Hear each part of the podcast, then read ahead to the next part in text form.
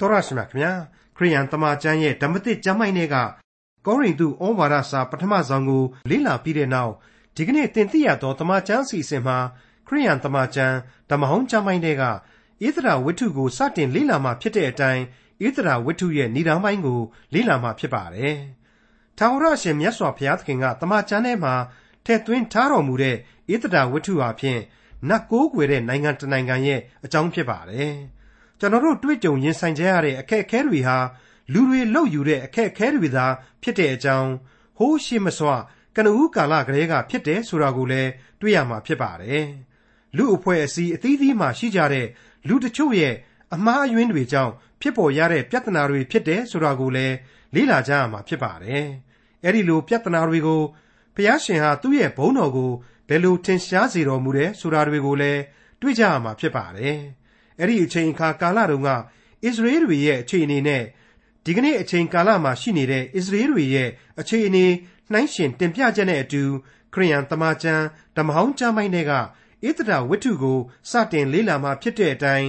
ဣသရာဝတ္ထုရဲ့ဏ္ဍာန်ပိုင်းကိုဒေါက်တာထွန်းမြတ်အေးကအခုလိုတင်ပြထားပါတယ်။ကောင်းကင်ဘုံ၌ရှိတော်မူ၍ကျွန်တော်တို့တူးစီတို့အပေါ်မှာအစဉ်တစိုက်လမ်းပြဆောင်ထိန်တော်မူသောယေရှုရှင်အဖမြတ်စွာဘုရားသခင် ကျွန်တော်တင်သိအပ်သောသမာကျမ်းစာဤသင်ခန်းစာအသီးသီးတို့ပေါ်မှာကိုရရှင်သည်ကောင်းကြီးမင်္ဂလာအစဉ်တစိုက်ပြီးခဲ့ယုံသားမကားယနေ့အဖို့ကျွန်တော်အတွက်သင်ခန်းစာအသစ်ဖြစ်သောဧဒရာဝတ္ထုစီတို့ပို့ဆောင်တော်မူခြင်းကျေးဇူးတော်ကိုချီးမွမ်းကြပါ၏။ဘုဖမ်းမြတ်စွာဘုရားသခင်ဤသင်ခန်းစာအားဖြင့်ကျွန်တော်သည်လူသားတို့ကြံစည်၍မမိနိုင်သောဝိညာဉ်ခွန်အားများကိုကိုရရှင်ထံမှခံစားရရှိဖို့အခွင့်ကိုပေးတော်မူပါ။ဤသင်ခန်းစာများကိုဘာသာပြန်တင်ဆက်ရသောကျွန်တော်မျိုးဤ စိတ်ဝိညာဉ်ခွန်အားများကိုအစဉ်တစိုက်တိုးတက်ဖို့ရန်ကောင်းကြီးပေးတော်မူပါဇာတိပဂရိအပြစ်အလုံးစုံတို့ကိုဖြည့်လွတ်ဖြည့်ရှင်း၍ကိုရရှင်ဤနှုတ်ကပတ်တော်နှင့်ထိုက်တန်သောလူတစ်ယောက်ဖြစ်ဖို့ရန်ကိုရရှင်ပဲ့ပြင်တော်မူပါထိုနည်းတူဤသင်္ကန်းစာများကိုနားဆင်နေကြသောသောတာရှင်များအားလုံးတို့အပေါ်မှာလဲကိုရရှင်ဤကောင်းကြီးမင်္ဂလာအမျိုးမျိုးနှင့်ပတ်ရတော်မူ၍သူတို့သည်နှုတ်ကပတ်တော်ဤဝိညာဉ်သဘောတရားများကို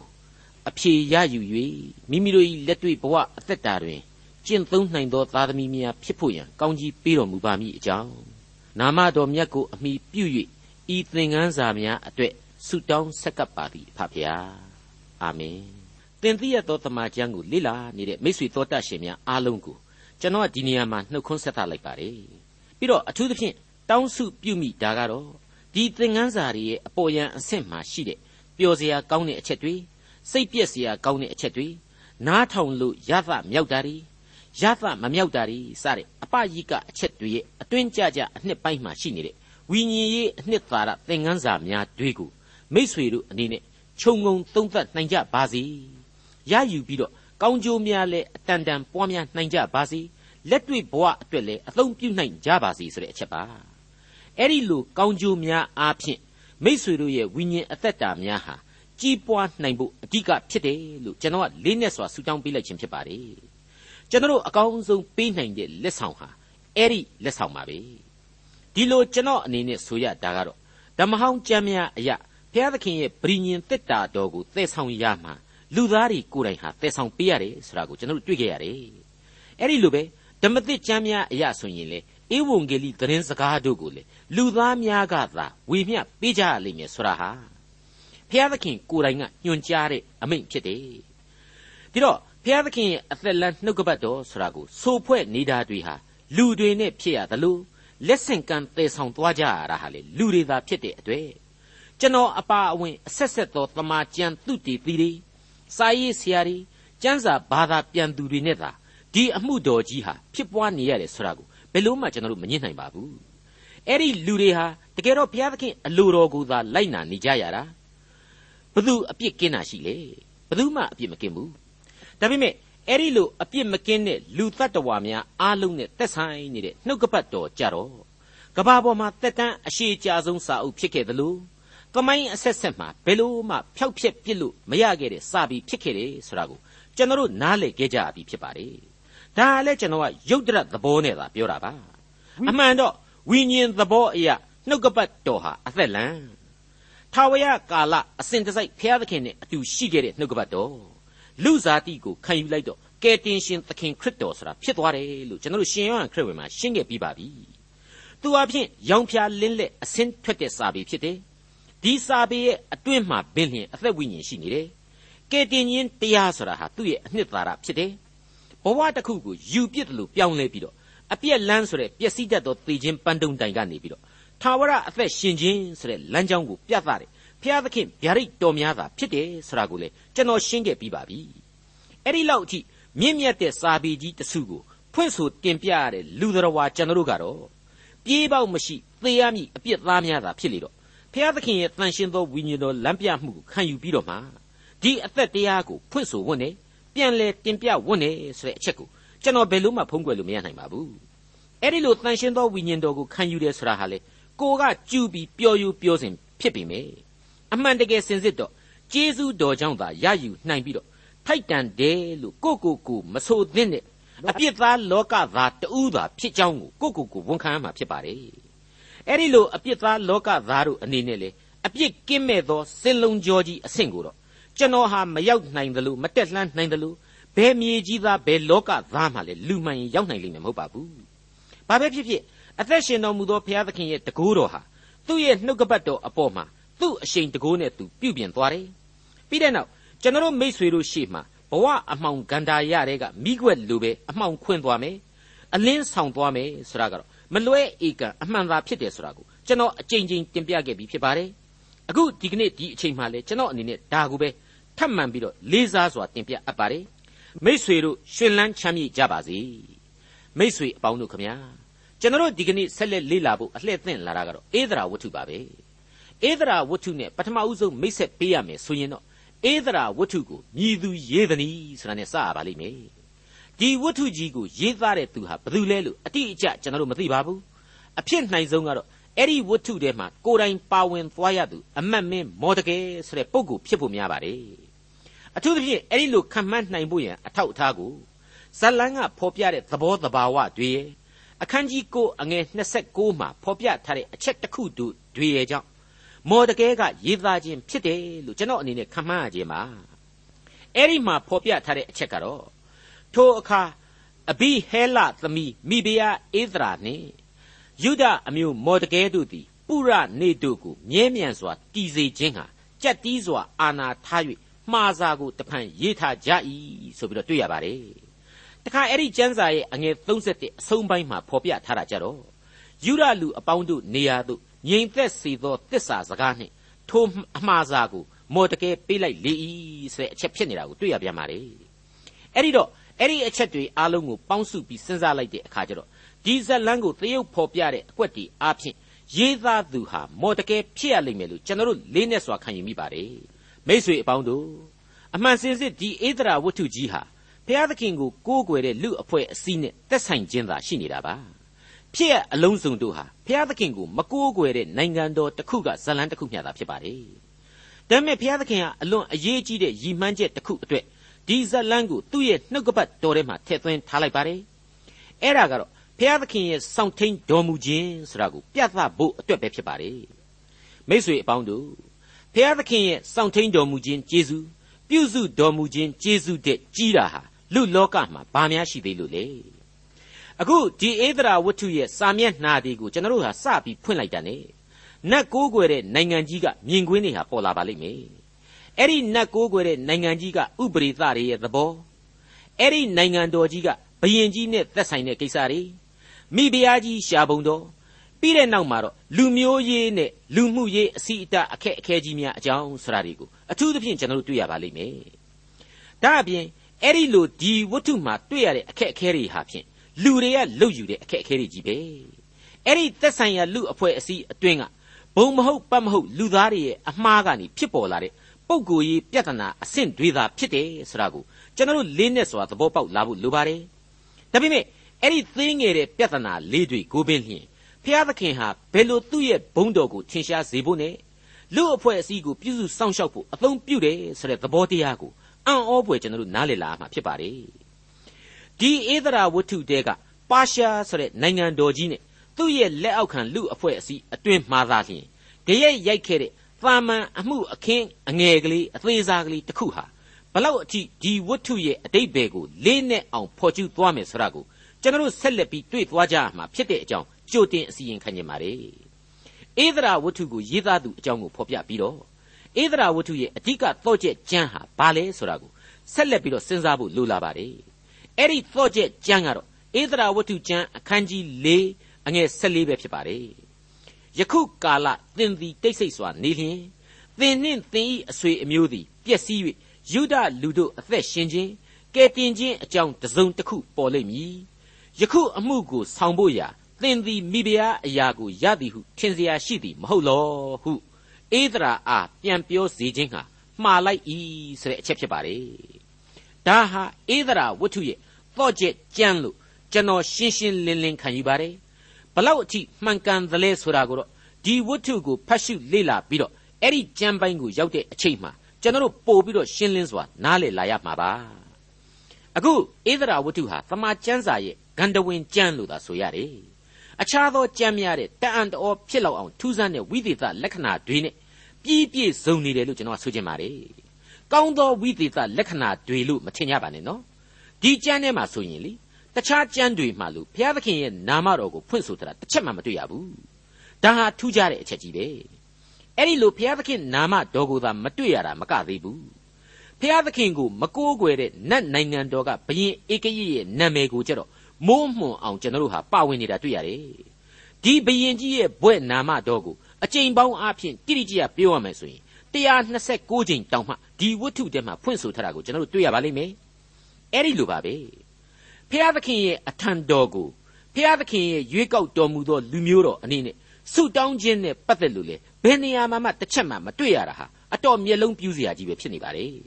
ဒီတော့ဒီကျမ်းအဖြစ်ကျွန်တော်ရဲ့သာမန်မျက်စိကနေသိရဓာတွေဟာနတ်ကိုးကွယ်တဲ့အင်အားကြီးနိုင်ငံကြီးတွေကအယူသိမှုတွေကံကိုသာရိုးမဲ့ဖွဲ့တာတွေနန်းတော်ကြီးခန္ဓာထေဝါဓာတွေနဲ့တကွာ အဲ့ဒီခေတ်ကာလက empire ကြီးတစ်ခုရဲ့အတွင်းရေးတွေလောက်သာဖြစ်နေတယ်လို့ကျွန်တော်ဆိုချင်ပါတယ်ဒါဟာအခြားသောနှုတ်ကပတ်တော်သမာကျမ်းစာအတွင်းမှဂန္ဓဝင်မြောက်ကြမ်းများနဲ့မတူသောဣသရာဝတ္ထုရဲ့တမှုထူးခြားချက်ပဲလို့ကျွန်တော်ဆိုပြရစီနောက်တစ်ခုကတော့ဝတ္ထုရဲ့နာမည်ကိုကသိချစဉ်းစားကြည့်ဣသရာဝတ္ထုတဲ့ဒီတော့ယုသဝတ္ထုလိုပဲပေါ့လူတယောက်ရဲ့နာမည်သာဖြစ်တယ်လူတယောက်ရဲ့အကြောင်းကိုသာဖွဲ့ဆိုတဲ့ကျမ်းဖြစ်တယ်အထူးသဖြင့် အမျိုးသမီးတယောက်ရဲ့နာမည်သာဖြစ်နေပါလေဒါဟာလဲအလွန်ထူးခြားတဲ့အချက်ပဲရှာရှာပါပါအမျိုးသမီးများရဲ့နာမည်တွေကိုရေးထိုးထားတဲ့ကြမ်းများတွေကတခုအပါဝင်ပေါ့အဲ့ဒီလိုထူးခြားနေတာကြောင့်မို့လို့လေအခုကျွန်တော်တင်ပြနေတဲ့သင်သိရသောသမာကျမ်းရဲ့မူရင်းစာရေးဆရာကြီးဒေါက်တာဂျေဗန်နန်မက်ဂီကနေပြီးတော့ဒီအမျိုးသမီးများရဲ့ဝတ္ထုနှစ်ပုဒ်ဖြစ်တဲ့ယုသဝတ္ထုနဲ့ဧသရာဝတ္ထုနှစ်ပုဒ်ကို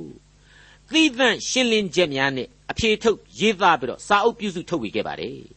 အဲ့ဒီလိုသူကယုသဝတ္ထုရဲ့ဧသရာဝတ္ထုရဲ့ကိုမူတည်ပြီးတော့မတူညီတဲ့စာအုပ်နှစ်အုပ်ကိုရေးထုတ်တဲ့အခါကျတော့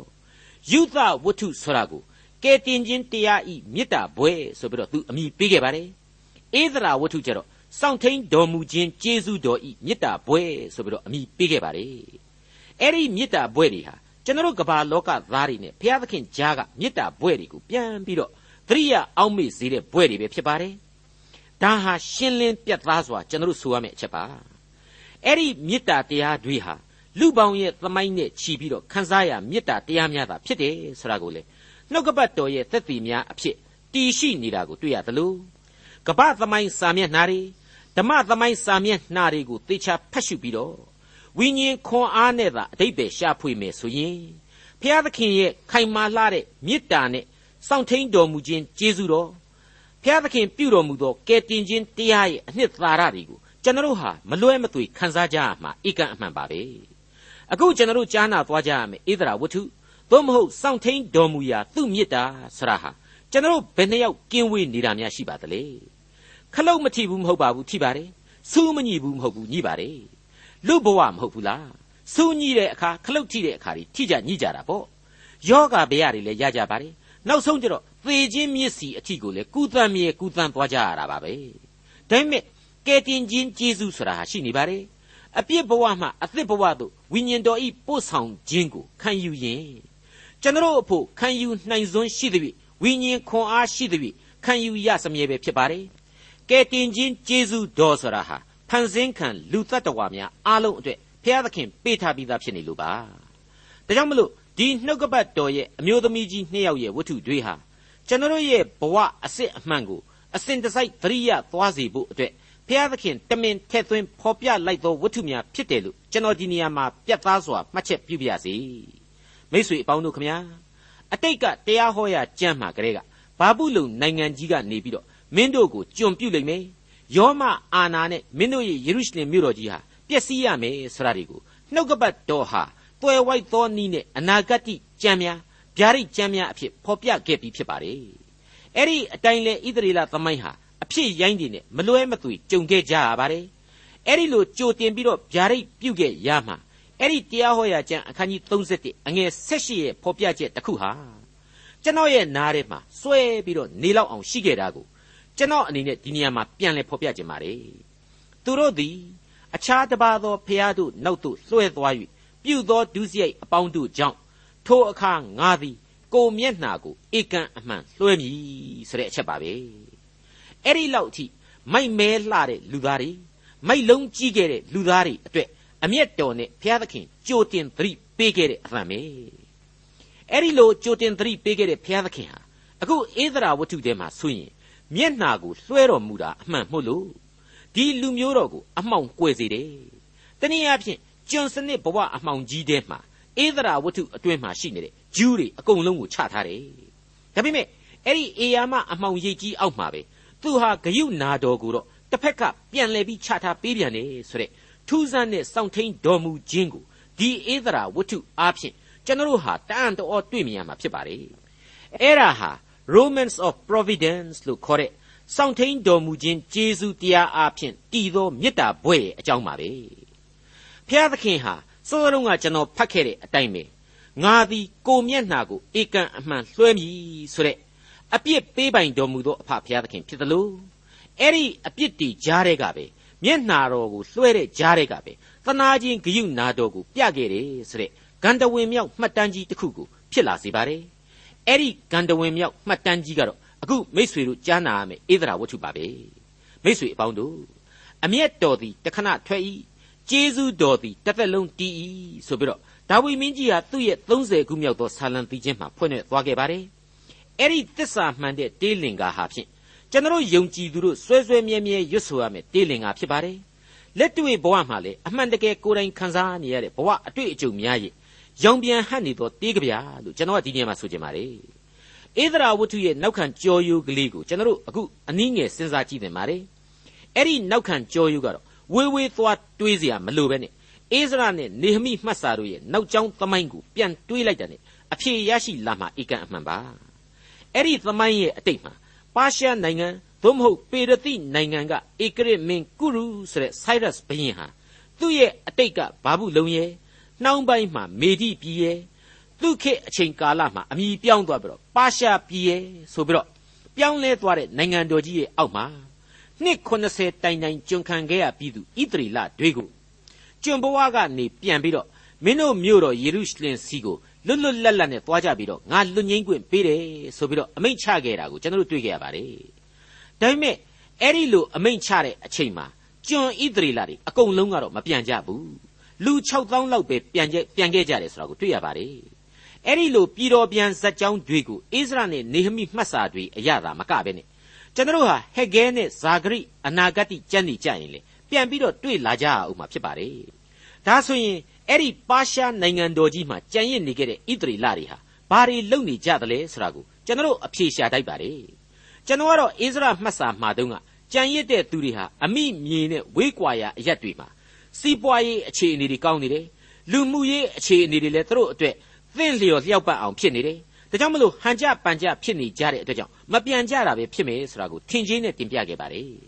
အမှန်တော့ဒီသမိုင်းရဲ့ဂွင်းဆက်ဆိုရမလားဒါမှမဟုတ်ရင်ဒီသမိုင်းဟာတပတ်ပြန်ပြီးတော့လဲတယ်ပဲဆိုရမလားတော့မပြောတတ်ဘူးဒီကနေ့ဣသရေလသို့မဟုတ်ဣသရေလဆိုတာဟာလေအဲ့ဒီအတိုင်းပဲကဘာအရရမှာဂျူးတွေဟာပြန့်နှံ့နေပါတယ်အဲ့ဒီထဲကမှမျက်မှောက်ခေဣသရေလမှာဆိုရင်လေလူဦးရေဟာ3သန်းလောက်သာရှိတယ်ဆိုတာကျွန်တော်တွေ့ရတယ်အဲ့ဒီ3သန်းလောက်ပဲအခြေချနေထိုင်ကြပြီးတော့ ကြံတဲ့ဣသရေလလူမျိုးတွေကတော့ကဘာအနှံ့မှာပြန့်နှံ့နေတယ်ဆိုတာကိုကျွန်တော်တွေ့နေရပါတယ်ဘလောက်အံ့ဩဖို့ကောင်းလဲဒါတွေကစာနယ်ဇင်းတွေကိုဖတ်ကြည့်ရင်သိရပါတယ်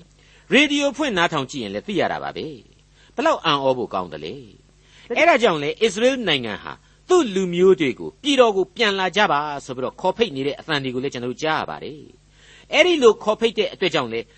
အာဖရိကတိုက်ကအီသီယိုးပီးယားနိုင်ငံကဂျူးတွေတို့ဥရောပတိုက်ရုရှားကဂျူးတွေတို့ အစ္စရေးကိုပြန်သွားကြတဲ့သတင်းတွေကိုကျွန်တော်တို့မကြာခဏကြားနေကြရပါတယ်ဒီနေရာမှာမစီမဆိုင်နိုင်ငံရေးလေးပါထည့်ပြောရမယ်ဆိုရင်အဲ့ဒီပြည်တော်ပြန်ဂျူးတွေကိုနေရာချထားဖို့အတွက်လူနေအင်ဂျီတွေတိဆောက်ဖို့လေအစ္စရေးအစိုးရဟာဤအမျိုးစုံနဲ့ကြိုးစားတယ်အဲ့ဒီခါမှာအစ္စရေးနဲ့မတည့်တဲ့ပတ်ဝန်းကျင်ကအာရဗ်နိုင်ငံတွေတို့ PLO အဖွဲ့အစည်းတို့နဲ့လည်းအစ္စရေးဟာမကြာခဏကြောက်ကစားတွေဖြစ်နေရတယ်ပြိပက္ခတွေဖြစ်နေရတယ်ဆိုတာကျွန်တော်ထည့်ပြောချင်ပါတယ်ဒါကတော့ဘ ഹു တုတရဖို့အတွက်ပါ အမှန်တော့ဂျူးလူမျိုးအရေးအတွက်ဟာဒီနေ့ဒီကဘာမှာလူဦးရေအလွန်နည်းတယ်လို့ဆိုနိုင်ပါတယ်သန်း20လောက်သာရှိတယ်လို့ကျွန်တော်တို့သိရပါတယ်အဲ့ဒီသန်း20လောက်ထဲကမှကျွန်တော်စောစောကပြောခဲ့တဲ့အတိုင်းပေါ့ရှစ်ပုံတပုံလောက်သာရှိတဲ့သုံးသန်းလောက်ကပဲကိုယ့်နိုင်ငံမှာကိုရှိနေကြတယ်ဆိုတဲ့အတိတ်ပဲဟာအတိတ်ကာလရဲ့သမိုင်းကြောင်းပြောင်းပြန်ပြန်လှည့်လာတယ်လို့ပြောလို့မရဘူးလားအဲ့ဒီလိုမျက်မှောက်ခေရဲ့အခြေအနေအတိုင်းပဲဧဒရာဝတ္ထုတိဆောက်တဲ့အချိန်မှာဂျူးဣသရေလအဖွဲ့အစည်းဟာ မယိုးမဆွဲဖြစ်ခဲ့တယ်ပုံပြက်ပန်းပြက်လေနိုင်ခဲ့တယ်လို့ကျွန်တော်တို့ပုံစံချပြီးတော့တွေးနိုင်အောင်လို့ကျွန်တော်ဒီအချက်တွေကိုဖော်ပြလိုက်ခြင်းလည်းဖြစ်ပါတယ်ဘာပဲပြောပြောပါရှေးကာလရဲ့ဘုရားသခင်အလိုတော်ကတော့ဂျူးလူမျိုးတို့ကိုသူပေးတဲ့အမွေမြေကိုပြန်စီခြင်းနဲ့ဆိုတာကိုအိစရာတုံးကသိပ်ပြီးတော့ထင်းထင်းရှားရှားမတွေ့ရသလိုပြန်သည်ဖြစ်စေမပြန်သည်ဖြစ်စေဘုရားသခင်အပြစ်မတင်ခဲ့ဘူးဆိုတဲ့အချက်ကိုပါကျွန်တော်ကစိတ်တွက်နဲ့ဖော်ပြခဲ့ပြီးပါပြီ အခုအချိန်မှာတော့အိသရာဝတ္ထုတီယာကာလမှာဘုရားသခင်ဟာသူတို့ကိုမိမိကိုယ်တိုင်ပေးခဲ့တဲ့အမွေမြေစီကိုပြန်စီခြင်းပြီဆိုတာကိုကျွန်တော်စိတ်ထဲကပြောင်းလဲတွက်ဆမိလာပါတယ်ဒါဟာအိသရာဝတ္ထုရဲ့အရေးကြီးသောအခန်းကဏ္ဍဟာနှုတ်ကပတ်တော်မှာသူ့နေရာနဲ့သူရှိနေပြီးသားဖြစ်တယ်ဆိုတဲ့အချက်ကိုကျွန်တော်မှတ်ကျုံးဖို့အတွက်အခုလိုဖော်ပြရခြင်းပဲဖြစ်ပါတယ်ဟုတ်ပါတယ်ရှေလျားတဲ့ဓမ္မသမိုင်းတဲကတိုတောင်းလာတဲ့အခုဧဒရာဝတ္ထုစာမျက်နှာအနည်းငယ်အားဖြင့် ဘုရားသခင်ရဲ့အလိုတော်ကိုကျွန်တော်တို့တစွန်းတစနားလည်လာကြရပါတယ်အဲ့ဒီတစွန်းတစဟာလေဘုရားသခင်ရဲ့လူမျိုးတော်အပေါ်မှာရဲ့သူ့ကိုယုံကြည်ကိုးကွယ်လက်ခံသူတို့နဲ့တကွာသူချစ်တဲ့လောကလူပေါင်းသားအလုံးတို့အတွက်မဟာသင်္ကန်းစာကြီးပဲဖြစ်တယ်လို့ကျွန်တော်တင်ပြလိုက်ပါတယ်မိษွေတို့ခမညာအဲ့ဒီအသစ်သောသင်္ကန်းစာထူးထူးခြားခြားဖြစ်နေတဲ့သင်္ကန်းစာကိုကျွန်တော်ထုတ်နှုတ်ရယူစေဖို့အတွက်ဘုရားသခင်ညွှန်ကြားလိုက်ပါတယ်ဘယ်လိုညွှန်ကြားလိုက်သလဲဆိုရင်တော့အဖြေဟာတူတူတုတ်တုတ်ကလေးပါ ဧဒရာဝတ္ထုတဲမှာတွေ့ရတဲ့ဘုရားသခင်ရဲ့အညွှန်ကတော့စောင့်ထိန်တော်မူခြင်းကျေးဇူးဆိုတဲ့အညွှန်ပါဒီနေရာမှာစောင့်ထိန်တော်မူခြင်းနဲ့ပြုစုတော်မူခြင်းဆိုတဲ့ဝေါဟာဒတွေရဲ့အတိတ်ပဲကိုကျွန်တော်တို့ကကြဲကြဲပြန့်ပြန့်စဉ်းစားဖို့သင့်ပါတယ်အင်္ဂလိပ်လိုကတော့ providence လို့ခေါ်ပါတယ်အဲ့ဒီစောင့်ထိန်တော်မူသောကျေးဇူးတော်ပြုစုတော်မူသောကျေးဇူးတော်ဆိုတဲ့အချက်တွေဟာကျွန်တော်အခုခေတ်လူသားတွေလည်းခန်းစားရတာပဲဆိုတာကိုကျွန်တော်ဆိုခဲ့ပြီးပြီဒါဟာရှင်းပါရဲ့လား ယုံကြည်လက်ခံတိုင်ပွဲကိုရှိပါရဲ့လားအဲ့ဒီလိုသာဘုရားသခင်ရဲ့စောင့်ထိန်ပြုစုတော်မူခြင်းမရှိဘူးဆိုတာသာသိကြတယ်ဆိုရင်တော့လူသားရဲ့အဖြစ်ဟာအလွန်ယဉ်နှင်းစရာပဲလို့ကျွန်တော်တွေးပါတယ်အဲ့ဒီလိုမတွေးမခေါ်လို့တဲ့အခါကျတော့လေအစားထိုးနိုင်တဲ့အပိဓမ္မာတွေကျင့်ထုံးအဖြေတွေဟာကဘာမှာအများကြီးရှိနေပါတယ်လူသားတွေအမျိုးမျိုးဖန်တီးပြီးအသုံးပြုနေကြပါတယ်အဲ့ဒီလူသားတွေကိုနီးကိုဟန်နဲ့ရယူတဲ့အပိဓမ္မာအဖြေတွေကရော အမှန်တကယ်ကျင့်납ဖွယ်ကောင်းတဲ့အဖြေတွေမှဟုတ်ပါလေရဲ့လားစိတ်ကူးရင်တဲ့ဘက်တွေကိုများရင့်ရိုင်နေပါသလားနှွှဲနေပါသလားဆိုတာကတော့ကိုယ့်ဖာသာကိုယ်သာစဉ်းစားဖို့လိုပါတယ်ကျွန်တော်ကတော့ဘုရားသခင်ရဲ့စောင့်ထိန်တော်မူခြင်းဟာယခုဘဝနဲ့နောင်ကကာလသာဝရတည်နေတယ်လို့ပဲပြက်ပြက်သားသားခံယူပါတယ်အဲ့ဒီလိုခံယူခွင့်ရတာဟာလေလူဖြစ်ကျိုးနတ်เสียအကောင်းဆုံးပဲလို့ကျွန်တော်တို့ဆက်လက်ပြီးတော့ခံယူမိပါတယ်ရုသဝတ္ထုဟာကယ်တင်ရှင်ကျေးဇူးတော်ရဲ့မေတ္တာဘွယ်လို့ကျွန်တော်ပြောခဲ့ပြီးပြီ အဲ့ဒီကယ်တင်ရှင်မေတ္တာဆိုတာကိုဓမ္မဟောင်းကျမ်းအဆူဆူမှာတွေ့ခဲ့ရတယ်လို့အခုဧသရာဝတ္ထုကစောင့်ထိန်ပြုစုတော်မူခြင်းမေတ္တာဘွယ်ဆိုတာကိုလေယူခြင်းရင်ယူနိုင်တဲ့လောက်သောသင်ခန်းစာပေါင်းများစွာဟာဖော်ပြခဲ့ပြီးသားဖြစ်ပါတယ်ဥပမာဆိုရင်ကျွန်တော်တောလေယာကျမ်းမှာဘုရားသခင်ကိုပုံကန်တဲ့လူမျိုးတော်အကြောင်းကိုတွေ့ကြရပြီမဟုတ်ဘူးလားဘုရားသခင်ကနေပြီးတော့ခါနန်ပြည်တဲကိုဝင်ခွင့်မပေးပဲတောကြီးမြက်မဲထဲမှာနှစ်ပေါင်း40ကြာသည့်အထိ မျက်စိလေလမ်းမအောင်အပြစ်ပေးခဲ့တယ်ဆိုတာကိုအဲ့ဒီအပိုင်းမှာကျွန်တော်တို့တွေ့ကြရပြီးပြီဒါပေမဲ့အဲ့ဒီအပြစ်မှောင်မိုက်ထဲမှာပဲလုံလောက်အောင်ကြွေးမွေးပြုစုခဲ့တာ ड़ी ခလုတ်မထိစူးမညိအောင်တနာချင်းဂယုဏပြသခဲ့တာ ड़ी စတဲ့အချက်တွေကိုကျွန်တော်တို့တွေ့ခဲ့ရကြပြီးသားဖြစ်ပါတယ်အဲ့ဒါဟာဘုရားသခင်ရဲ့စောင့်ထိန်တော်မူခြင်းလက္ခဏာတက်တည်ပါပဲဘုရားသခင်ရဲ့စောင့်ထိန်တော်မူခြင်း providence နဲ့ပတ်သက်ပြီးတော့ကိုးကားရမယ့်အချက်တစ်ခုကတော့အေဖက်ဩဝါဒစာအခန်းကြီး1အငယ်7ကဖော်ပြထားတဲ့အချက်ပါမိမိစေတနာဤအလိုတော်သို့လိုက်၍အလုံးစုံတို့ကိုစီရင်ပြုပြင်တော်မူတတ်သောသူဤကြံစီခြင်းရှိသည့်အတိုင်းရှေးမဆွကခွဲကန့်မှတ်သားတော်မူသည်နှင့်အညီငါတို့သည်ခရစ်တော်ဤအမွေခံဖြစ်ကြ၏ဆိုတဲ့အချက်ရှင်းလင်းပြတ်သားလွန်မနေဘူးလား ဖျားသခင်ရဲ့စေတနာမေတ္တာနဲ့ဆောင်ရွက်ချက်တွေဟာရှေးမဆွကလေးကရှိခဲ့တယ်ဆိုပါလားဒါဟာအနီးဆက်ဆုံးကျွန်တော်တို့ဒီဖျားသခင်ရဲ့ပြုစုစောင့်ရှောက်တော်မူခြင်းကိုအတိတ်ပဲဖွင့်ဆိုဖို့အတွက်ထိရောက်တဲ့ကြံပဲဖြစ်ပါတယ်ကဲဒီတော့အဲ့ဒီကျေးဇူးတော်နဲ့ပြုစုစောင့်ရှောက်ခြင်းဆိုတာဟာဖျားသခင်ရဲ့နှလုံးသက်ဖို့လူသားအပေါ်မှာထားရှိတော်မူတဲ့ရှေးမဆွကလေးကရိုးရင်းချင်းစီခိုက်လောက်တဲ့မေတ္တာတော်ဆိုတာရှင်းမနေဘူးလားမိတ်ဆွေအပေါင်းတို့ခမညာ အဲ့ဒီဘုရားသခင်ရဲ့ပြုစုစောင့်ရှောက်တော်မူခြင်းကိုနားလည်ဖို့အတွက်ကတော့အချက်ကြီး၃ချက်လိုနေပါတယ်ပထမအချက်ကတော့ဖန်ဆင်းတော်မူခြင်းဒုတိယအချက်ကတော့ထိမ့်သိမ်းစောင့်ရှောက်ခြင်းနဲ့တတိယအချက်ကတော့ကောင်းကြီးပေးခြင်းဆိုတဲ့အချက်ကြီးတွေပါဖန်ဆင်းခြင်းဆိုတာကိုတချို့တချို့သောပုဂ္ဂိုလ်တွေကလက်မခံပါဘူးရှိရင်းဆွဲအရာကနေမှလူသားရဲ့လောကရဲ့ဆိုတာဟာဖြစ်လာခဲ့တယ်ဆိုတဲ့အတွေ့အခေါ်ရှိပါတယ်တနည်းအားဖြင့်ဖန်ဆင်းတော်မူခြင်းကိုလက်မခံဘူးနှုတ်ကပတ်တော်ကဖော်ပြတာကတော့ ယုံကြည်ခြင်းဆိုတာဟာကြားနာရခြင်းကနေဖြစ်ပေါ်ပါတယ်ကြားနာရခြင်းဆိုတာဟာဘုရားသခင်ရဲ့နှုတ်ကပတ်တော်ကနေမှသာဖြစ်ပေါ်လာရခြင်းဖြစ်ပါတယ်ဘာပဲပြောပြောခရစ်တော်ကိုယုံကြည်သူတို့အပါအဝင်ဖန်ဆင်းခြင်းကိုလက်ခံတဲ့ကမ္ဘာလူဦးရေဟာကမ္ဘာကြီးရဲ့လေးပုံပုံရင်သုံးပုံရှိတယ်အဲ့ဒီယုံကြည်ခြင်းရဲ့အခြေခံဟာနှုတ်ကပတ်သမာကျမ်းစာပဲဖြစ်တယ်ဆိုတာကိုတော့ကျွန်တော်ပွင့်ပွင့်လင်းလင်းပဲဒီနေရာမှာဖော်ပြလိုက်ပါတယ်ဘုရားသခင်ရဲ့ပြုစုစောင့်ရှောက်တော်မူခြင်းကိုနားလည်ဖို့ဒုတိယလိုအပ်တဲ့အချက်ကတော့ ထိမ့်သိမ်းစောင့်ရှောက်ခြင်းဆိုတဲ့အချက်ပါဆာလံတီချင်းတွေမှာဒါဝိမင်းကြီးဟာဖန်ဆင်းတော်မူခြင်းအကြောင်းတွေကိုဖော်ပြပြီးတော့လောကနဲ့စัจ java လာအနန္တကိုဘုရားသခင်ကင်တွယ်ထားတယ်လောကရအရာအလုံးစုံဟာလက်တော်ထဲမှာပဲရှိတယ်ဆိုတာကိုဖော်ပြထားပါတယ်ဟေပြဲဩဝါဒစာအခန်းကြီး1အငယ်3မှာကျတော့သားတော်သည်မိမိအမိန့်တော်အဖြစ်ခတ်သိမ်းသောအရာတို့ကိုမဆတော်မူ၏ဆိုပြီးတော့ဖော်ပြပါတယ်အဲ့ဒီလိုပါပဲကောလောသဲဩဝါဒစာအခန်းကြီး1မှာကျတော့ သားတော်သည်လည်းခတ်သိမ်းသောအရာမဖြစ်မီဖြစ်တော်မူ၍ခတ်သိမ်းသောအရာတို့ကိုဖန်ဆင်းလျက်ဖြစ်ကြ၏လို့ဆိုထားပါတယ်တတိယနဲ့နောက်ဆုံးအချက်ကတော့ကောင်းကြီးပေးခြင်းပါအထက်ကဖော်ပြခဲ့တဲ့ဖန်ဆင်းတော်မူခြင်းကျေးဇူးဖန်ဆင်းထားသောလူနဲ့လောကရက်ကိုထိမ့်သိမ့်၍မြဲမြံစေသောကျေးဇူးတို့ကိုသကားလောင်းပြီးတော့ကောင်းကြီးပေးလိုက်ခြင်းပါအဲ့ဒီကောင်းကြီးပေးခြင်းမပါဘဲနဲ့ဘုရားသခင်ရဲ့ပြုစုစောင့်ရှောက်တော်မူခြင်းဆိုတဲ့နဲ့နဲသောကျေးဇူးတော်ကိုနားလည်ဖို့မလွယ်နိုင်ပါဘူး မိษွေအပေါင်းတို့ခမညာဤလောက၏အပြစ်ကိုဆောင်းသွားသောဘုရားသခင်သိုးတငယ်ကိုကြည်လောဆိုပြီးတော့ရှင်ယောဟန်ခရစ်ဝင်ကျမ်းအခန်းကြီး1မှာကျွန်တော်အခိုင်အမာတွေ့ရပါတယ်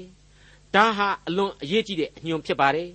ခရစ်တော်အားဖြင့်ဘုရားသခင်ရဲ့အံ့ဩပွေသောပြုစုစောင့်ရှောက်တော်မူခြင်းဟာထင်ရှားလျက်ရှိနေပါတယ်အခုလာမယ့်ဧဒရာဝတ္ထုဟာဖြင့်ဒီကျေးဇူးတော်ရဲ့သဘောတရားကိုရိုးရိုးစင်စင်ကလေးဖော်ပြသွားမှာဖြစ်ပါတယ်ခင်ဗျာ ဒေါက်တာထွန်းမြတ်ရေးစီစဉ်တင်ဆက်တဲ့တင်ပြတော်တမချန်းအစီအစဉ်ဖြစ်ပါတယ်နောက်တစ်ချိန်အစီအစဉ်မှာခရိယန်တမချန်းဓမ္မဟောင်းကျမ်းပိုင်းတွေကဣသရာဝတ္ထုအခန်းကြီး1အခန်းငယ်1ကနေအခန်းငယ်7အထိကိုလေ့လာမှဖြစ်တဲ့အတွက်စောင့်မျှော်နားဆင်နိုင်ပါတယ်။